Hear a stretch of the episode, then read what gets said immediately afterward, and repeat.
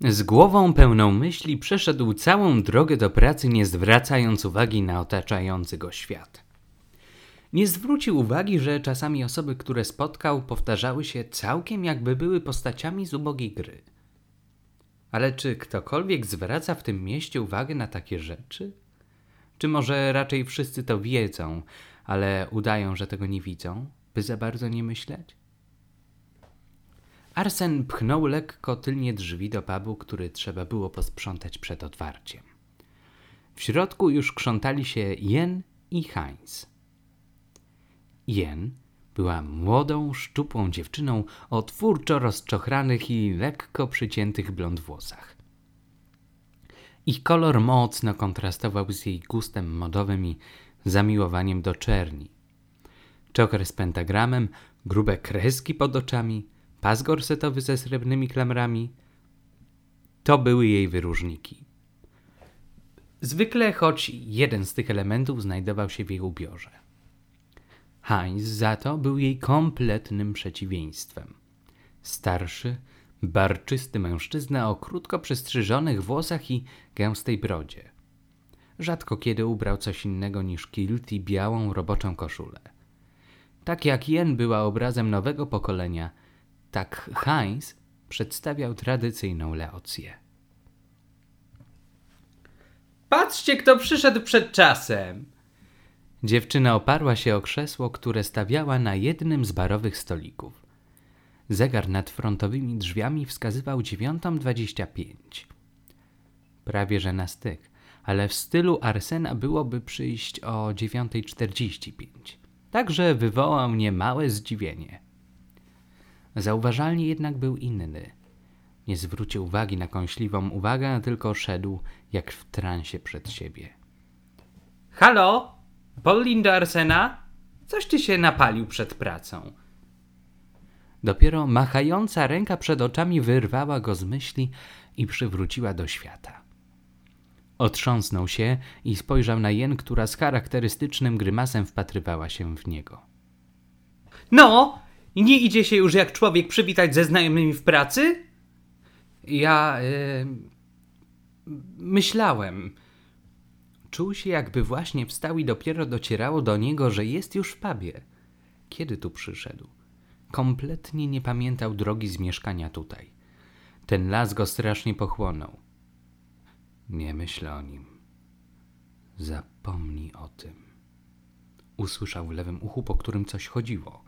Sięgnął tam ręką, by zobaczyć, co po nim łazi, ale na dłoni nie było śladu. Niewyspanie. Myślałeś? No proszę, a to nowość. Nie myśl tyle, bo myśliwym zostaniesz.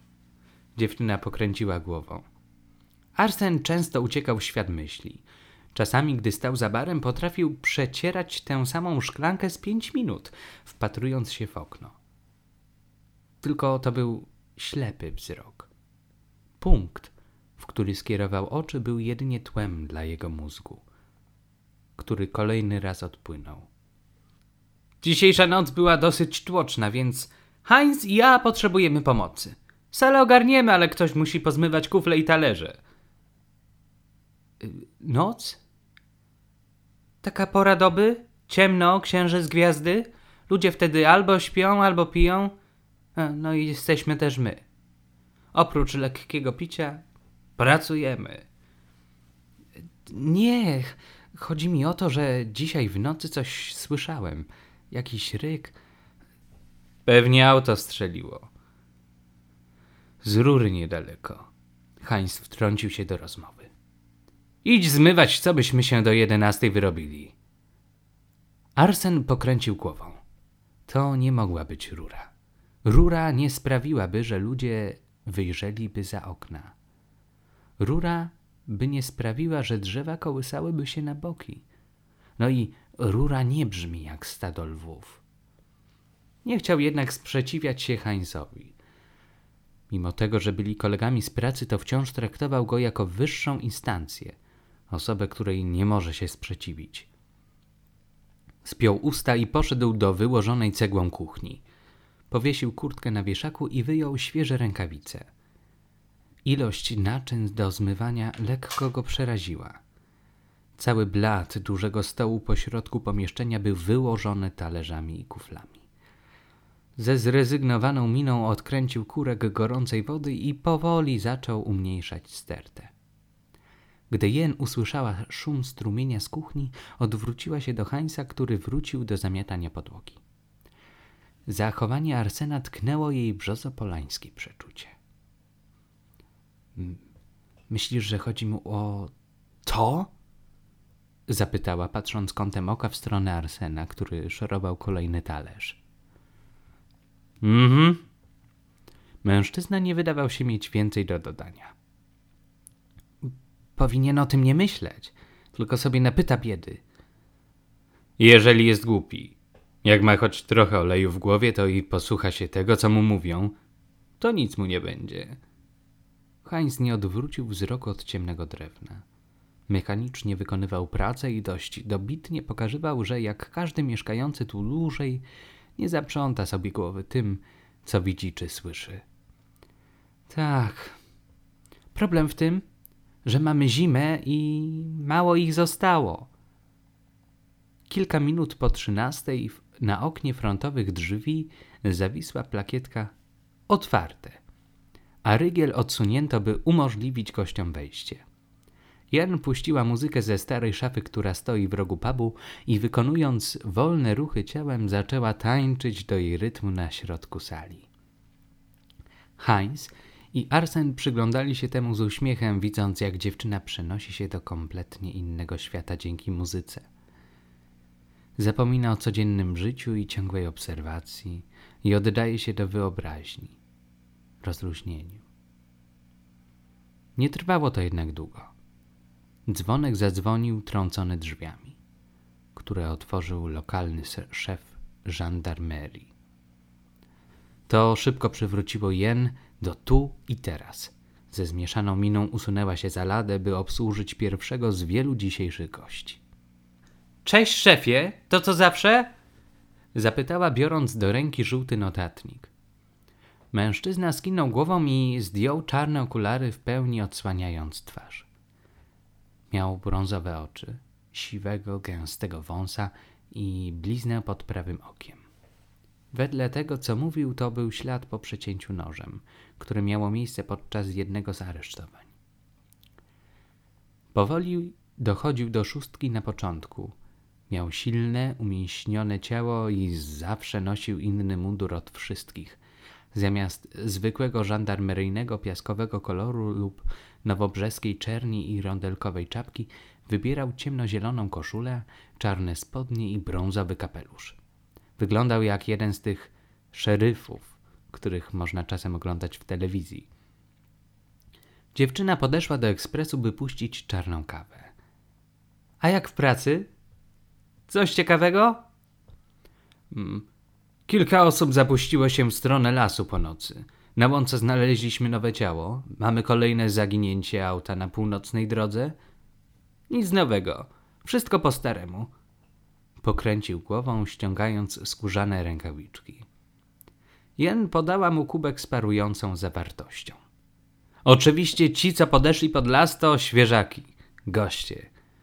Dobrze, że akurat byliśmy w pobliżu po te ciała, bo inaczej byliby kolejni na liczniku. Y, czyje to były ciała na tej łące? Znowu dzieci? Heinz podszedł do lady z talerzem pełnym frytek i burgerem. Postawił go przed żandarmem i złożył ręce na klatce. Nie. Tym razem na szczęście nie. Stary Leszek i Anderson. Zaginęli cztery tygodnie temu, jakoś krótko po rajdzie. Cud, że nikomu nic się nie stało podczas niego. Nic się nie stało, ale podobno niektórzy coś widzieli. A sam las też się rozbudził. Jen dodała, przecierając blat przy ekspresie. Muszą go w końcu dać do serwisu, bo po każdym zrobieniu kawy coś z niego cieknie. Był pan kiedyś w środku? Arsen wszedł na salę, wycierając ręce w fartuch. Przez chwilę podsłuchiwał rozmowy i gdy tylko usłyszał o lesie, wiedział, że musi zapytać. Byłem. Byłem i to więcej razy, niż bym chciał. Ostatnie wyjście do niego kosztowało mnie jednego człowieka. Może znajdziemy kiedyś chociaż ciało. Jak to kosztowało? Oczy chłopaka zrobiły się duże jak talerze. O co chodziło szefowi? Żandarm się zgubił? Czemu robią z tego lasu jakąś bestię? A może to coś, co zaryczało? Musi o to spytać. To coś, co dzisiaj zaryczało, go zabrało? Cała trójka spojrzała na niego. Jen nerwowo się poruszyła przy ladzie, a Heinz zrobił grymas. Jedynie szef patrzył na niego tym samym wzrokiem, co wcześniej. Nie spieszył się z odpowiedzią. Upił duży łyk kawy i dopiero się odezwał. Las jest niebezpiecznym miejscem. To jedno z niewielu miejsc, gdzie człowiek nie jest na szczycie łańcucha pokarmowego. Nie grzeb w tym temacie, nie zapuszczaj się tam. Jeżeli coś słyszałeś, to pewnie się przesłyszałeś. To niemożliwe! Inni też to słyszeli. Wszyscy patrzyli z okien w stronę drzewa, a ja widziałem, jak korony drzew się ruszają, zupełnie jakby coś o nie się obijało. Może to jakaś maszyna. Maszyna. Dobrze ci radzę, nie myśl o tym. Zapomnij i nie patrz w tamtą stronę, jak naprawdę nie musisz. Będzie tylko kusić. Mężczyzna dopił kawę i położył kilka banknotów na ladzie. Ubrał kapelusz i wstał z krzesła. Nic. Praca wzywa. Borgesen mówił, że przed czternastą zaczną autopsję znalezionych. Skinął czubkiem kapelusza i poprawiając pas, wyszedł z pubu. Po chwili usłyszeli, jak silnik radiowozu zapala się i znika w oddali. Jen zaczęła sprzątać po szefie. Spojrzała na lewo, zaczęty talerz pełen frytek. Żandarm zjadł ledwo kilka. Burgera praktycznie nie ruszył. Mało zjadł. No, dziwisz mu się?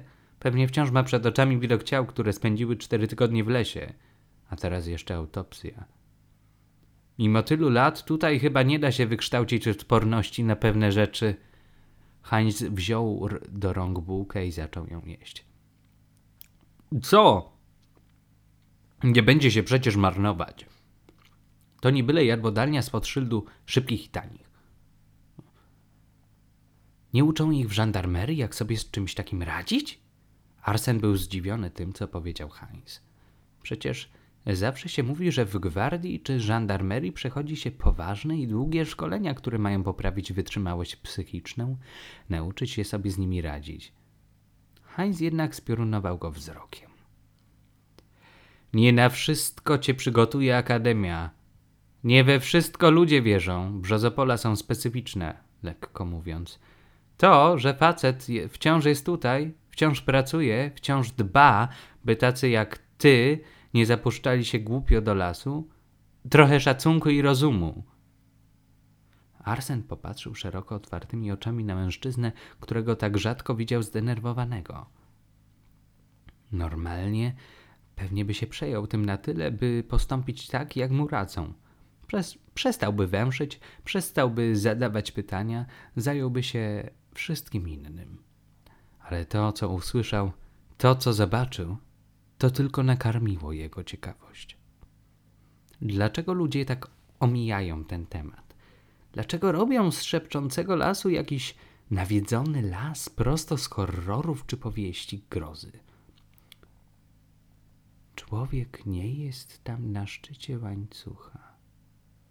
Jak człowiek może nie być na szczycie łańcucha pokarmowego w lesie? Dziki nie mają strzelb, są głupie. Łosie i jelenie tak samo. Jedynie człowiek może być człowiekowi zagrożeniem. Ale przecież nawet gdyby las zamieszkiwało jakieś plemię, jakiś kult, szalony myśliwy, to przecież szef by tak nie powiedział.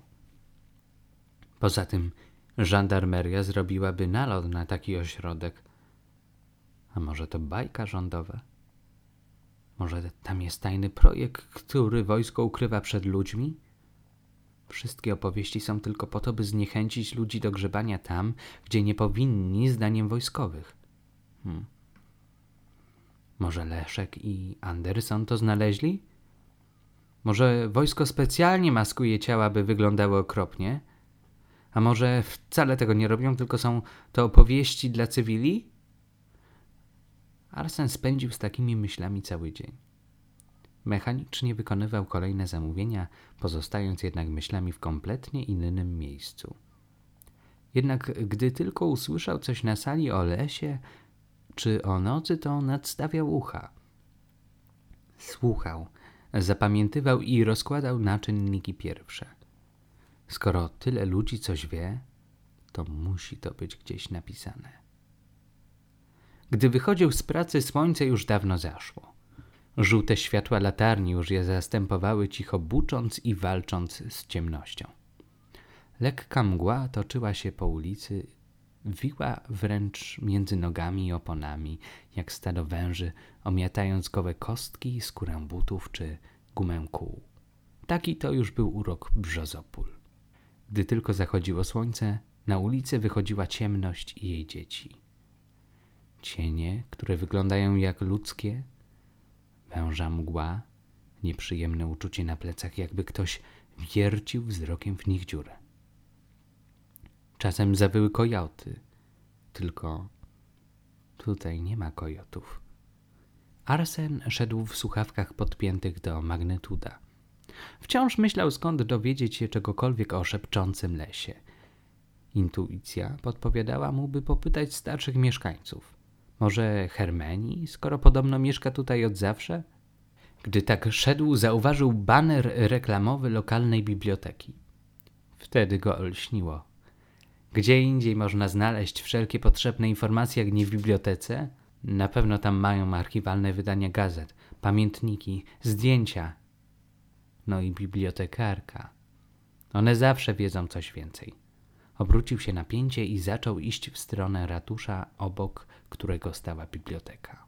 Miał nadzieję, że jest jeszcze otwarta i uda mu się jeszcze dzisiaj znaleźć cokolwiek, co pomoże mu w znalezieniu informacji.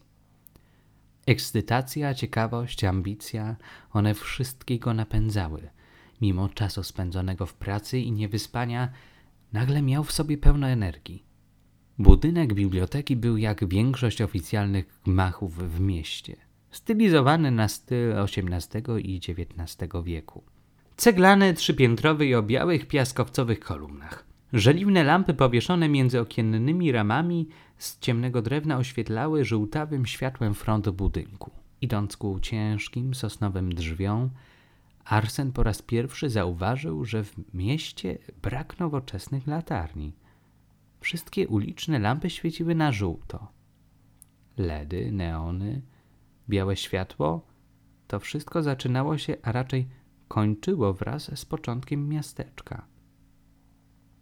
To wydawało się być dziwne. Pamiętał, że gdy podczas pierwszego dnia w Brzozopolach mijał znak informujący, że właśnie znalazł się w dzierżawie, światła natychmiastowo się zmieniły. Białe nowoczesne lampy zastąpiły stare o żółtawej poświacie. W połączeniu ze wszechobecną mgłą, lekkim chłodem i tablicą, na której wisiał herb. Trupia czaszka otoczona gałęziami brzozy i szyszkami chmielu. Robiło to klimat małego, tajemniczego miasteczka. Pytanie jednak, czy był to zamysł jego twórców, czy raczej efekt czegoś niezależnego od człowieka? A może to po prostu zbieg okoliczności?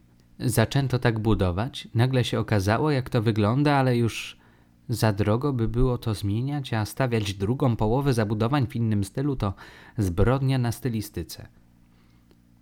Arsen stał tak z myślami na chodniku przed biblioteką. Chłodny wiatr przytulał go niczym wyziębiony człowiek. Mgła wiła się między jego nogami, ocierając się raz po raz. W oddali było słychać szum rzeki, której rwące wody obijały brzeg. W końcu pchnął drzwi, które wbrew jego oczekiwaniom cicho się otworzyły. Spodziewał się skrzypienia, choćby ze względu na ich ciężar. Znalazł się na krótkim korytarzu wyłożonym ciemną, drewnianą podłogą i o czerwonych ścianach, na których wysiały dwa zdjęcia, każde naprzeciwko siebie. Podszedł do pierwszego z nich. Wąsaty, ubrany w szarawy garnitur mężczyzna stał na równo przystrzyżonej łące z wbitą w ziemię łopatą. Dookoła nic innego nie stało. W oddali jednak było widać ciemnozielone drzewa. Szepczący las. W jego stronę ciągnęła się piaszczysta dróżka, zrobiona najpewniej przez przejeżdżające samochody. Arsen już miał się odwracać, gdy zauważył w tle coś, co przykuło jego uwagę. Na łące przed lasem widniał kształt, który przypominał człowieka. Nie było mowy o pomyłce. Autor wyraźnie wyróżnił postać na tle drzew, mimo że była ona o wiele dalej niż bohater obrazu. Spojrzał na tabliczkę pod nim. Karol Winsachen podczas wbicia pierwszej łopaty na placu budowy ratusza Brzozopól Chmielnych. Dalej znajdował się krótki opis dzieła, który wedle tego, co można było przeczytać, pochodziło z 2014 roku. Arsen popatrzył na tekst jeszcze raz, by upewnić się, że dobrze przeczytał. 2014? Przecież to mniej więcej niż 10 lat temu. To by wskazywało, że wtedy nie było tutaj nic oprócz Berkelhopf, kilku zabudowań i kilku pól uprawnych. Sama rezydencja stała podobno opuszczona przez prawie 70 lat, więc mieszkało tutaj kilkanaście ludzi, w tym Hermina. Arsen w głowie oznaczył ją jako kolejne źródło wiedzy o brzozopolach. Skoro mieszkała tutaj, gdy były takie pustki, to na pewno musi wiedzieć o co chodzi z lasem. Podszedł do drugiego obrazu, który przedstawiał widok na miasteczko z drugiego brzegu rzeki. Obserwujący je był ustawiony pod kątem, tak by zdawało się ono być w centrum. Na lekkiej górce stał już wybudowany z szarego kamienia ratusz. Otaczały go kamienice i mniejsze zabudowania. W oddali widać było place budowy. W prawym rogu widniał skrawek lasu. Arsen już się domyślał, o jaki las chodzi. Tym razem, tym razem popatrzył się na zaś. Także i tutaj szepczący las nie występował bez towarzystwa. Z pomiędzy drzew wychylały się sylwetki ciekawskich zwierząt. Nic nadzwyczajnego, oto dawni władcy tych ziem obserwują, jak nowy, silniejszy gatunek zmienia je ku swojej wizji ale im dłużej patrzył się na płótno, tym więcej widział. Na drodze wychodzącej z lasu stała kobieta ubrana w białą suknię, którą miotał wiatr. Między zwierzętami stały jakby ich martwe odpowiedniki. Jeleń o trupim pysku, czarnej, miejscami brakującej sierści. Wilki na dwóch łapach, które opierały się o drzewa, odsłaniając swoje przecięte brzuchy.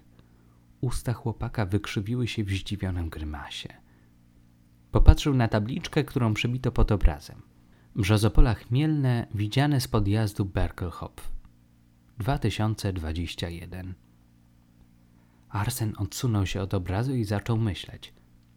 Postać widoczna na pierwszym z dzieł może być kimś, kto zamieszkuje w lesie, lub to może być wojskowy, który z daleka obserwuje zamieszanie tak bliskie tajnemu projektowi. Zwierzęta na drugim malunku mogą być wizualizacją szkód, jakie wyrządza gwardia naturze swoją obecnością tutaj. Ale jednak coś mu nie pasowało. Kobieta w białej sukni i wilki na dwóch łapach. To spowodowało, że teoria o wojskowym projekcie zaczęła mu trochę nie pasować. Wchodzisz? Czy tylko ciągniesz ten prąd stojąc w miejscu? Z myśli wyrwała go niska kobieta o siwych włosach i okularach połówkach.